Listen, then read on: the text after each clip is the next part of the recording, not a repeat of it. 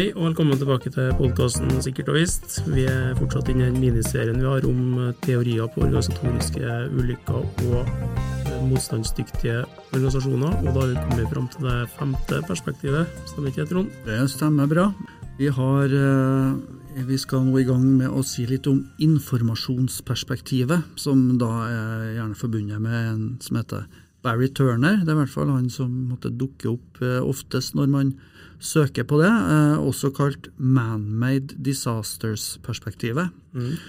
Og det er, jo, det er, jo, et perspektiv som eh, ikke er nytt, men som eh, i hvert fall måte, stadig er aktuelt. da. Eh, det er jo på en måte Litt av utgangspunktet i hvert fall er ei bok som ble skrevet i, så langt tilbake som i 1978. Mm. Um, og da er liksom ja, ho, si, Hovedargumentet i informasjonsperspektivet er jo at Litt selvfølgelig, kanskje, men eh, at hvis vi skal forstå ei ulykke, så må vi òg avdekke hvorfor informasjonen som kunne ha forhindra denne ulykka, ikke ble fanga opp eller forstått. Mm. Det er vel et sånn litt nøkkelbegrep her er at uh, ulykka ikke skjer fra klar himmel, men at det har vært noen signaler eller informasjon i forkant. Ja.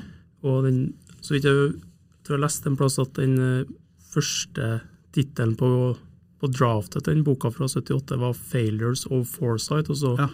feil i å forutse noe. Så det er kanskje like betegnende det som man-made disasters. For jeg tenker når man hører man-made disasters, så tenker man kanskje menneskeskapte kriser. Ja. Og det er jo ikke det vi snakker om uh, her.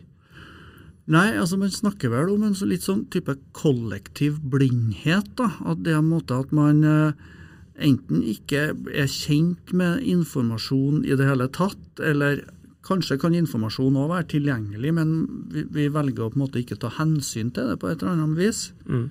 Eller at man måte ikke klarer å kombinere kom, eh, informasjon. altså Det kan være biter som man måte må sette sammen på en spesiell måte hvis man skal forstå det her. Mm.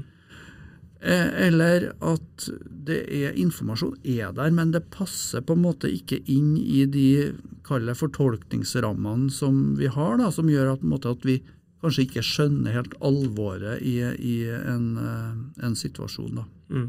Så man-made det handler egentlig om at det er mennesker som enten individuelt eller helst kanskje sammen med andre ikke er i stand til å forstå eller erkjenne eller finne ja. den informasjonen man egentlig skulle ha funnet. Da. Ja, det er vel litt av hovedargumentet, tror jeg. Mm. Og så litt av uh, utgangspunktet for, uh, for Barry Turners arbeid det er jo at han gikk gjennom en del ulykkesrapporter. Det var vel 84 i tallet, så vidt jeg husker. Mm. Uh, og gikk gjennom dem og prøvde å se ja, er det noen felles kjennetegn med de her ulykkene. Og det ja, i hvert fall Barry Turner velger å legge vekt på, da, det er jo at jo, det de hadde til felles, det var at ledelsen de hadde ingen aning om at denne ulykka kunne skje. Mm.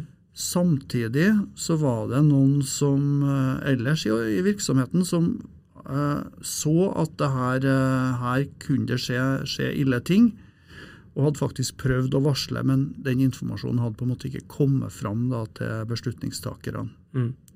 Og Der var tilbake på, på 70-tallet. Ja, faktisk. Og jeg tenker at eh, det du sier nå, det tror jeg er ganske mange som kjenner seg igjen i, i ulykker som skjer i dag òg. Ja. At det er noen som har visst noe som kanskje kunne ha vært med å forhindre ulykker.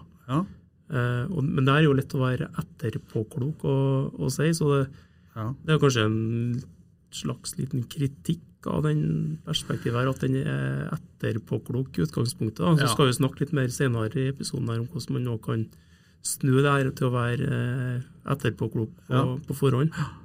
Ja, Nei, det er jo selvfølgelig lett å være etterpåklok. Jeg tenker sånn, eh, Vi har jo diskutert det før men det her med pandemien, f.eks. Mm.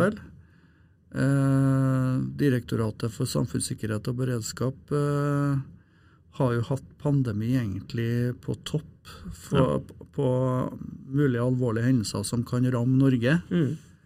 Uh, eh, Kikka nettopp på den 2019-rapporten fra DSB, og der er jeg fremdeles på topp sammen med, med legemiddelmangel. Mm. Så på ett vis så var jo pandemien en, kan du si, en uh, varsla alvorlig hendelse. Samtidig så viser det seg at uh, vi som samfunn var jo ikke, i hvert fall ikke fullt ut forberedt på, på det som ramma oss. Nei. Og så var det vel noen signaler fra Kina før 20. mars med liksom eh, Nei, ja. 12. mars, må jeg si. Bursdagen ja. til dattera mi, så der må jeg huske på. Ja, ja, ja. Men det var jo signaler fra Kina allerede mm. ved juletider, nesten, tror jeg, på mm. at noe var i, i gjære. Så kan jo si at de norske myndigheter hadde jo et tidsvindu der på kunne forberede seg enda bedre enn de var. Og nå sier ikke at de ikke var godt forberedt, men ja. det var et tidsvindu der de kunne kanskje skrudd til mer ja. og bedre tidligere òg. Ja, absolutt. Så at uh, informasjonen der ble vel litt forvrengt, eller det passa på en måte ikke i de fortolkningsrammene som vi hadde, da, kanskje. Mm. Um, men i hvert fall så kom vi jo, kom vi jo fort à jour, da, eller forholdsvis fort à jour. Ja. Um, men i hvert fall utgangspunktet for, for teorien er jo på en måte at rotårsakene til ulykker kan være eh, knytta til informasjon, at det er mangler, feil eller misforståelser. og si, Turner var jo de første som, som brakte kulturbegrepet inn i, ja. i sikkerhetsteori. og, og knytte det til sånn, kulturelle svakheter, kan man si, da, i, i håndteringa av informasjon i en, i en virksomhet. Da. Mm.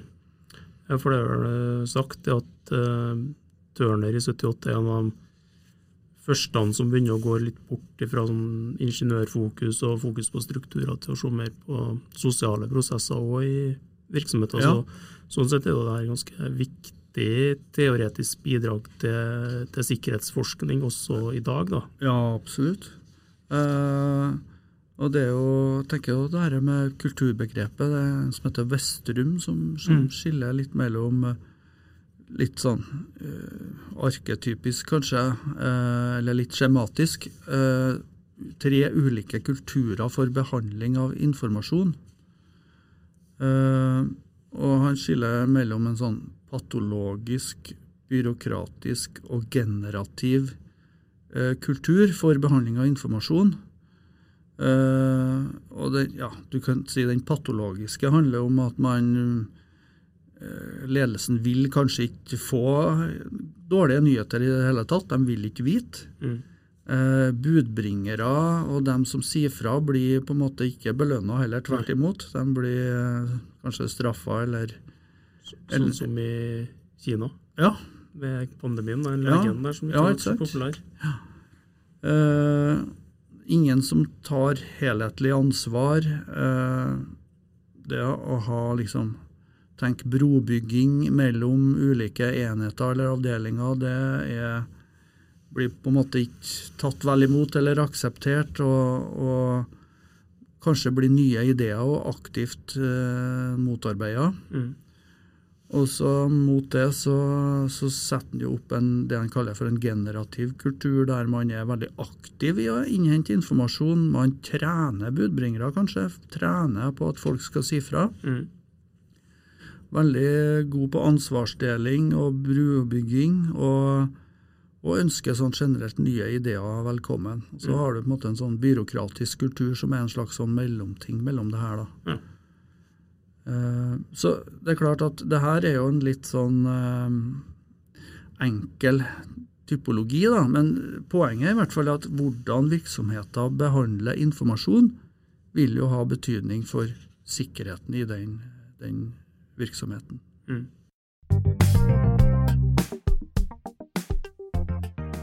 Eh, sentralt i teorien til Turner er jo sånn har en slags vi kan nesten kalle det en ulykkesmodell, egentlig, der den går fra en normal situasjon til en, til en hendelse, og at man gjenvinner kontrollen på den. Men mm.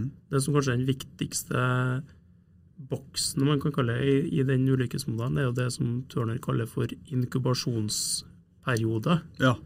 Eh, som da kommer mellom den normale perioden og, og den hendelsen. Mm. Ja, det veldig sånn, Han var på en måte en av de første som så, så på ulykka som mer som en prosess. Mm. Altså at uh, en ulykke starter egentlig lenge før selve uh, ulykkeshendelsen, for å mm. si det sånn. da. Uh, og det at man går fra en normalsituasjon over, over til det han kaller for en inkubasjonsperiode. Da. Inkubasjon er jo noe som er henta fra medisin. Ja. Uh, og mange av oss kjenner kanskje til det i disse pandemitider. Men det er jo den perioden fra man blir smitta uh, av en sykdom, til man faktisk da viser um, symptomer på sykdommen. Så det er jo, det er jo Du er jo allerede smitta, men viser, viser ikke kan du si, klare symptomer. da. Og i den perioden så skjer det mye spesielt, da. Uh, og også på en måte i et sånt sikkerhetsperspektiv. Altså, Det kan f.eks. starte med noe opphopning av hendelser som ja, som man misforstår eller ikke legger merke til, men som allikevel kanskje er viktig da, i forhold til, til sikkerhet. Mm. Og, og, kanskje går man over i en tilstand der man overser advarsler, man, informasjon som kan være viktig, blir kanskje ikke spredt eller analysert som en burde ha blitt. Mm. Ja, som typisk eh sånn eh, Perov som kaller det for fantasidokumenter. Ja. Altså at risikovurderinger blir fantasidokumenter som ja.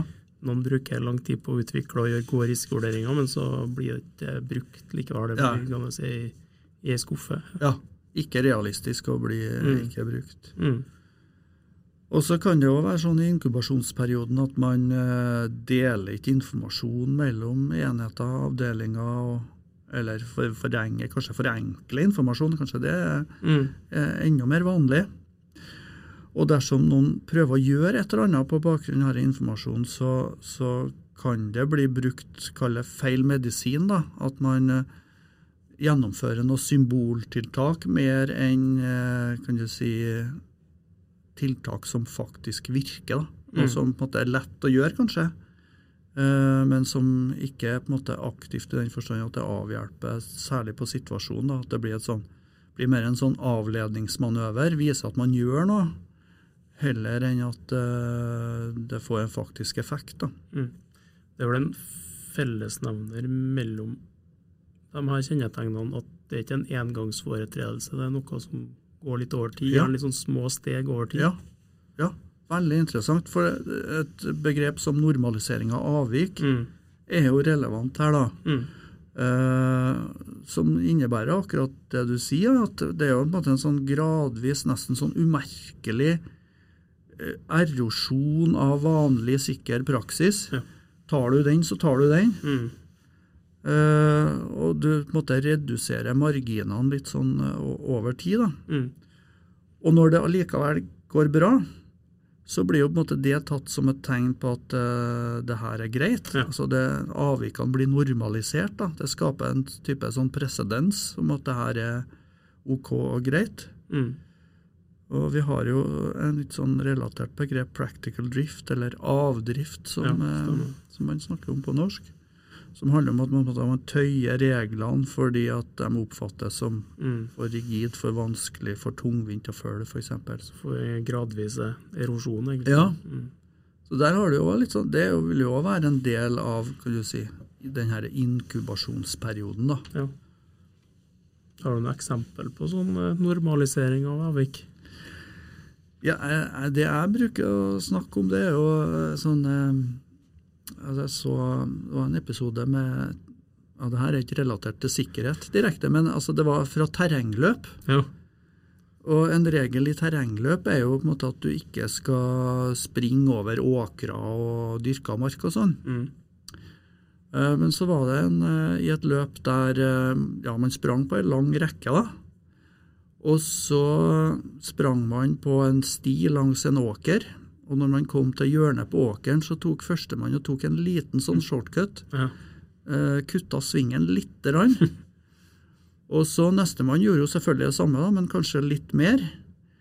Og når sistemann i rekka hadde kommet til samme svingen, så sprang man uh, rett over åkeren. Så, så, det er jo på en måte en sånn eksempel på at ja, tar du den, så tar du den, og at du på en måte mm. utvider Aksepterer at det blir sånn. Ja. Um, men det finnes jo òg sikkerhetshendelser, ulykker selvfølgelig. Som, ja, det gjør det. Nei, Jeg tenker jo på den uh, Deepwater Horizon-ulykka som skjedde, skjedde i, i, 2010. Ja. I, i Mexicogolfen, der det er elleve omkomne. Mm.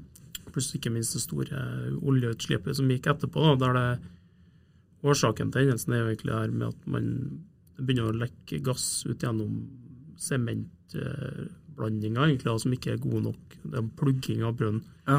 Jeg skal ikke gå inn og gå inn i de tekniske detaljene på det her nå. Men det er jo en del interessante sånn, i et informasjonsperspektiv ved den, ved den hendelsen her. Både det som skjer rett før eh, eksplosjonen, mm.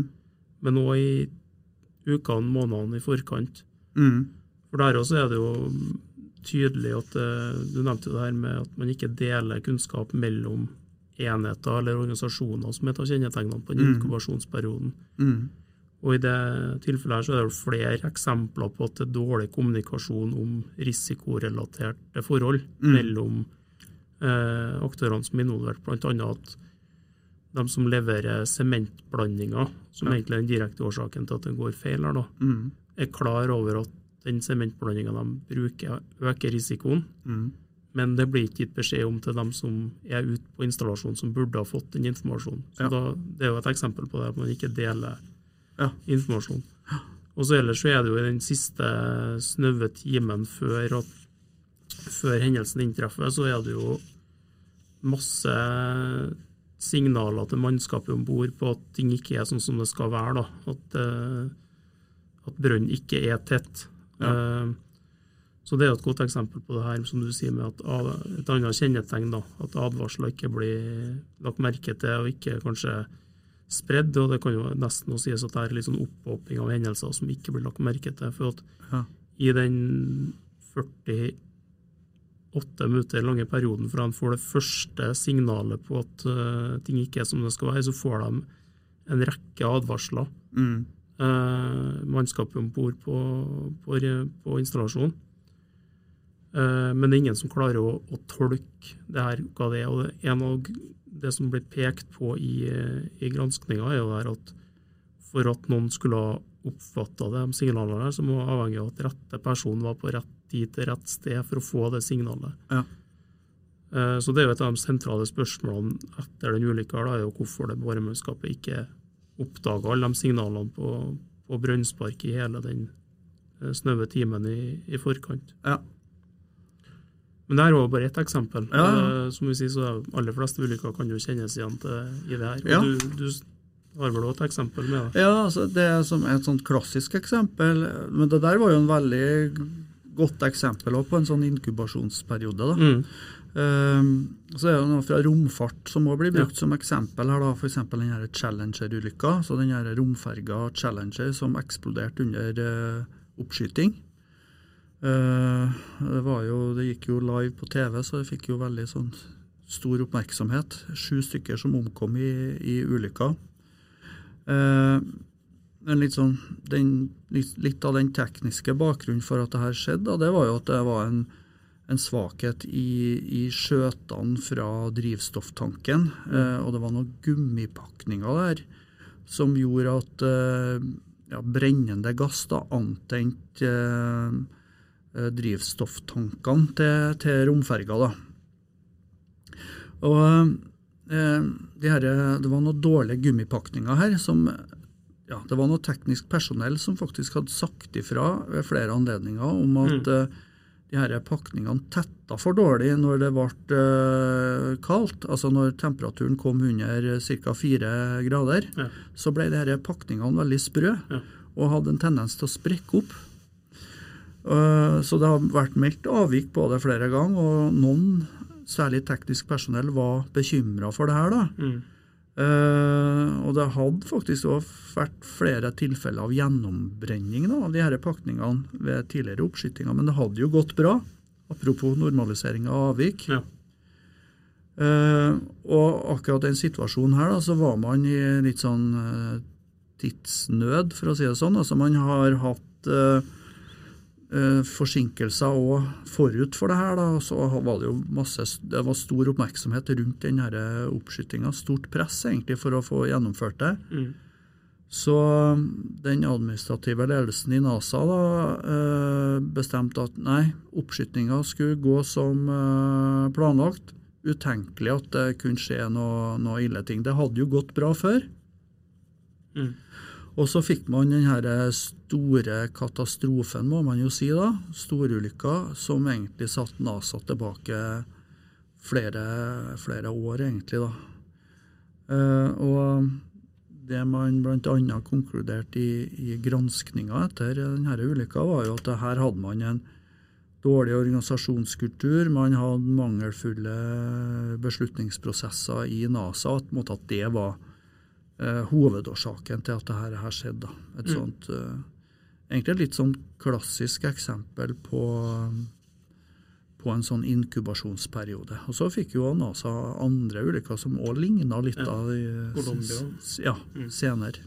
Så, Men så tror jeg at flere For det er jo eksempler på storulykker. Mm. Jeg tror det er lett å kjenne igjen mye av de samme eh, karakteristikkene på en sånn inkubasjonsperiode også i mer sånn arbeidsulykker. Da. Tenker ja. Mangelfulle risikovurderinger mm. er jo noe som ofte går igjen i, mm. i gransking av arbeidsulykker. og Det er jo akkurat ja. det samme det også. Da er det noen som har visst at man kanskje burde ha satt inn noen tiltak for den risikoen her, og så har det ikke blitt gjort likevel pga. Ja. Av kanskje at ikke rette folkene har fått tilgang til, det, ja. til den kunnskapen. Mm.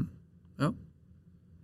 Og så vet vi jo at det her med Jeg har skrevet bøker om det her òg, med 'failure to learn', også at man ikke lærer etter eh, hendelser. Etter mm. eh, Vi har hatt en episode tidligere om rapporteringssystemer. Ja. Eh, at man ikke kanskje tar inn over seg all den kunnskapen som et sånn datamaterial representerer. Da. Mm. Så det er jo et eksempel på det her med opphoping av hendelser som man kanskje ikke forstår og gjør noe med. Ja. Nei, så det er, du sier Bare for å oppsummere modellen litt, altså ja. den prosessmodellen, så er det først så har du en normalsituasjon der alt går som eh, det skal gjøre, egentlig. Og så får du denne inkubasjonsperioden. Og så får du den, kan du si, sjølve ulykka, da, eller den utløsende hendelsen. Og så kommer det jo en fase deretter med en sånn type krisehåndtering, der du må håndtere det både på kort og litt lengre sikt. Og så får du en fase da med kulturell omstilling, da, der man på en måte lærer av det som har skjedd. Øh, ikke bare én og én, men også mer på et sånn kollektivt nivå. da. Så det her er jo en sånn øh, prosessmodell som man òg kan bruke egentlig for å tenke forebygging av ulykker. da. Ja. Uh, og da er det jo kanskje spesielt den inkubasjonsperioden som blir interessant, da. Mm. Så hvordan avdekker man at man er kalles smitta da, før sykdommen faktisk bryter ut i mm. form av ei ulykke? da? Ja. Uh, og Turner han um, foreslår jo en del uh, ting i den forbindelse. da. Det, det ene er jo å, altså, at man blir i stand til å se tidlige tegn. Uh, sånn Konkret så foreslår jo han eh, det å bruke sånn sikkerhetsstyringsverktøy som sikkerhetsindikatorer, f.eks. Mm. Det har gode indikatorer som gir tidlige varsel på at man kanskje er på vei til et eller annet ille. Mm. Og revisjoner også, som er et sånt kjent uh, styringsverktøy, egentlig. Det er på en måte å gå gjennom sikkerhetsstyringssystemet ditt litt mer sånn systematisk.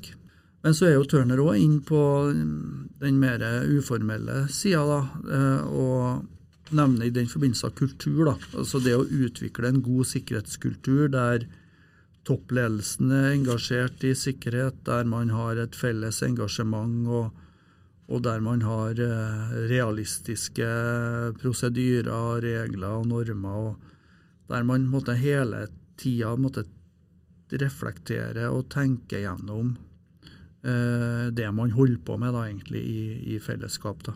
Mm. Så det er det Turner foreslår, da, men så har vi jo kanskje òg litt mer sånn eh, mer moderne kan du si, måter å tenke på som eh, som òg er relevant her. Ja, nei, jeg tenker jo det her med eh, informasjonsflyt, informasjonsmiljø. altså alle organisasjoner har jo masse informasjon tilgjengelig, men det er kanskje måten det her presenteres på, har jo en betydning. hvor Det er overforenkla, mye bruk av kulepunkter, kategorisering mm -hmm. og sånn. Så det kan jo være at man eh, forenkler kanskje for mye, så at man mm. går glipp av informasjon. Det er en måte å tenke på det. Mm. Eh, men det å gå gjennom og liksom utfordre uh, den informasjonsflyten man har, kan jo være et steg for ja. å sørge for at informasjonsflyten går bedre for seg. Ja. Og vet en del uh, entreprenørselskap i Norge som eh, jobber ut ifra prinsippet med lean planning, mm. altså slank planlegging. Mm. der de har gått gjennom da, forskjellige faser i, i et byggeprosjekt. Mm. Der man synliggjør hvilken risikoinformasjon har man behov for på forskjellige tidspunkter i løpet av en periode. Så Da begynner de liksom med en sånn hovedfremdriftsplan der de gjør en risikovurdering for, for den produksjonsfasen, og så bryter man den ned i, i delfaser, f.eks.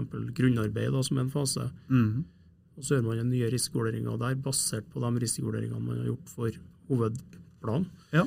Og så bryter man det her igjen videre ned på månedsbasis, ukesbasis helt ned på, på dagsnivå. Så man ja. identifiserer jo hva hvilke arbeidsoppgaver har vi f.eks. bruk for å gjøre en sikker jobbanalyse på. Mm -hmm.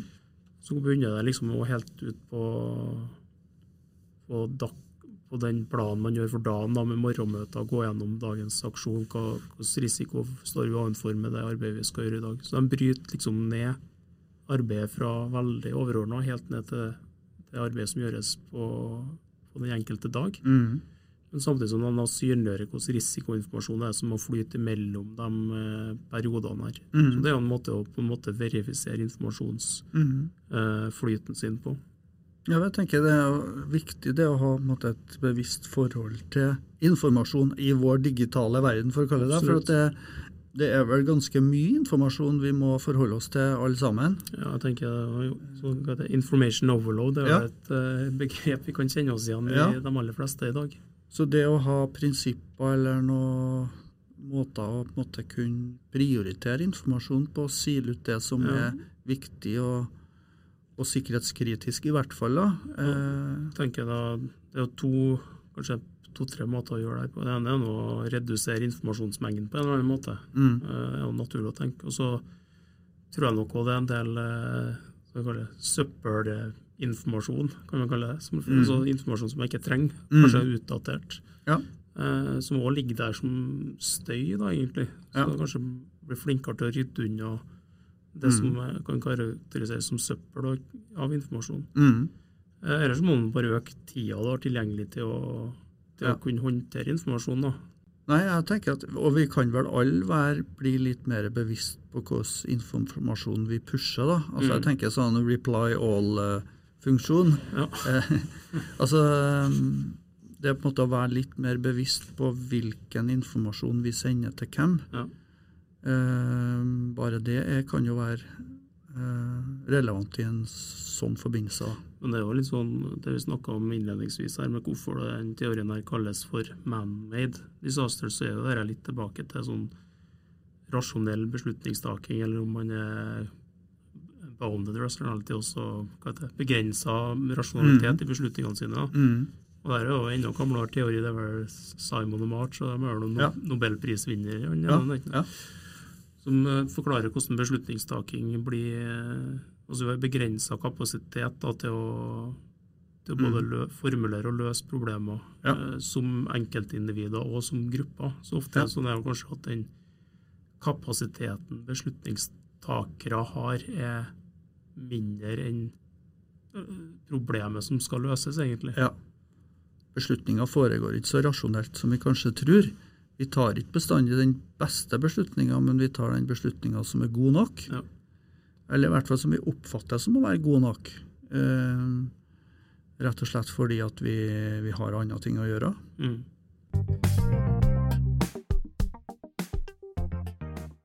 Tenk på en annen ting i forhold til å være etterpåklok på, på forhånd. Da. Og Du mm. nevnte jo det med altså digital hverdag bidrar jo til information eh, overload, kanskje. Mm. Men, men, samtidig så tenker jeg at det finnes jo digitale verktøy som kanskje kan være med å løse den utfordringa vi snakker om her i dag. Med, for det første at informasjon blir tilgjengelig for flere. Mm. Det er jo det ene aspektet, og det kan jo kanskje føre til at det blir for mye informasjon. Men det finnes òg eh, teknologier, algoritmer som man finner i maskinlæring f.eks., som mm. også gir en mulighet til å, å sortere ut hvilken informasjon er det som er viktig for deg. Ja. Altså Litt som samme som når du handler noe på en nettbutikk, så får du opp sånn kunder som kjøpte produktet jeg kjøpte også det her. Ja. Så litt det samme prinsippet er anvendt bl.a. på RUO-databaser. Mm. Eh, at hvis du går inn og ser på én type hendelse, så får du på en måte informasjon som er relevant i forhold ja. til det. Mm. Jeg vet at et av uh, operatørselskapene på norsk sokkel blant annet, som har prøvd dette her på arbeidstillatelsessystemer. Mm -hmm. Så at når du skal planlegge et arbeid på en, uh, på en flens, f.eks., så mm. får du også sånn nærmest bling opp mm. at uh, når det har vært utført arbeid på den flensen der, eller lignende, så har de her type hendelsene inntruffet. Ja. Så jeg tror at selv om uh, IT-hverdagen gjør at vi får mer informasjon, så er det også noen verktøyer som kanskje kan være med å lette og begrense de signalene som vi har snakka om i ja. inkubasjonsperioden. Det hørtes jo veldig lurt ut, potensielt. Mye forskning som kan gjøres her. Mm. Mm. Nei, men Da har vi jo snakka gjennom informasjonsperspektivet. Eh, et eh, hovedpoeng i hvert fall er at man i dette perspektivet forstår ulykka som en prosess da, som kan egentlig starte lenge før selve ulykkeshendelsen skjer. Så denne inkubasjonsperioden da, er litt, måte, litt av eh, ja, kjernen i, i perspektivet. Eh, og også når det gjelder forebygging av ulykker. Eh, hvordan kan man avdekke at man er smitta før sykdommen bryter ut? Og da er det jo forskjellige måter vi kan gjøre det på. Men da er vi tilbake igjen i neste uke, vi, med ja. en ny episode. Siste episoden i denne miniserien. da. Ja. Og da skal vi snakke om Da skal vi snakke om resilience, som er et av de nyere perspektivene, da, som, eh, eller det nyeste av de seks som vi har gått gjennom. Men vi er ikke ferdig med serien for det. Vi har masse flere spennende ting vi skal Lang liste med tema og gjester. Ja. Så vi er tilbake igjen. Ja. Takk for oss. Takk for oss, og ikke forhånd annerledes.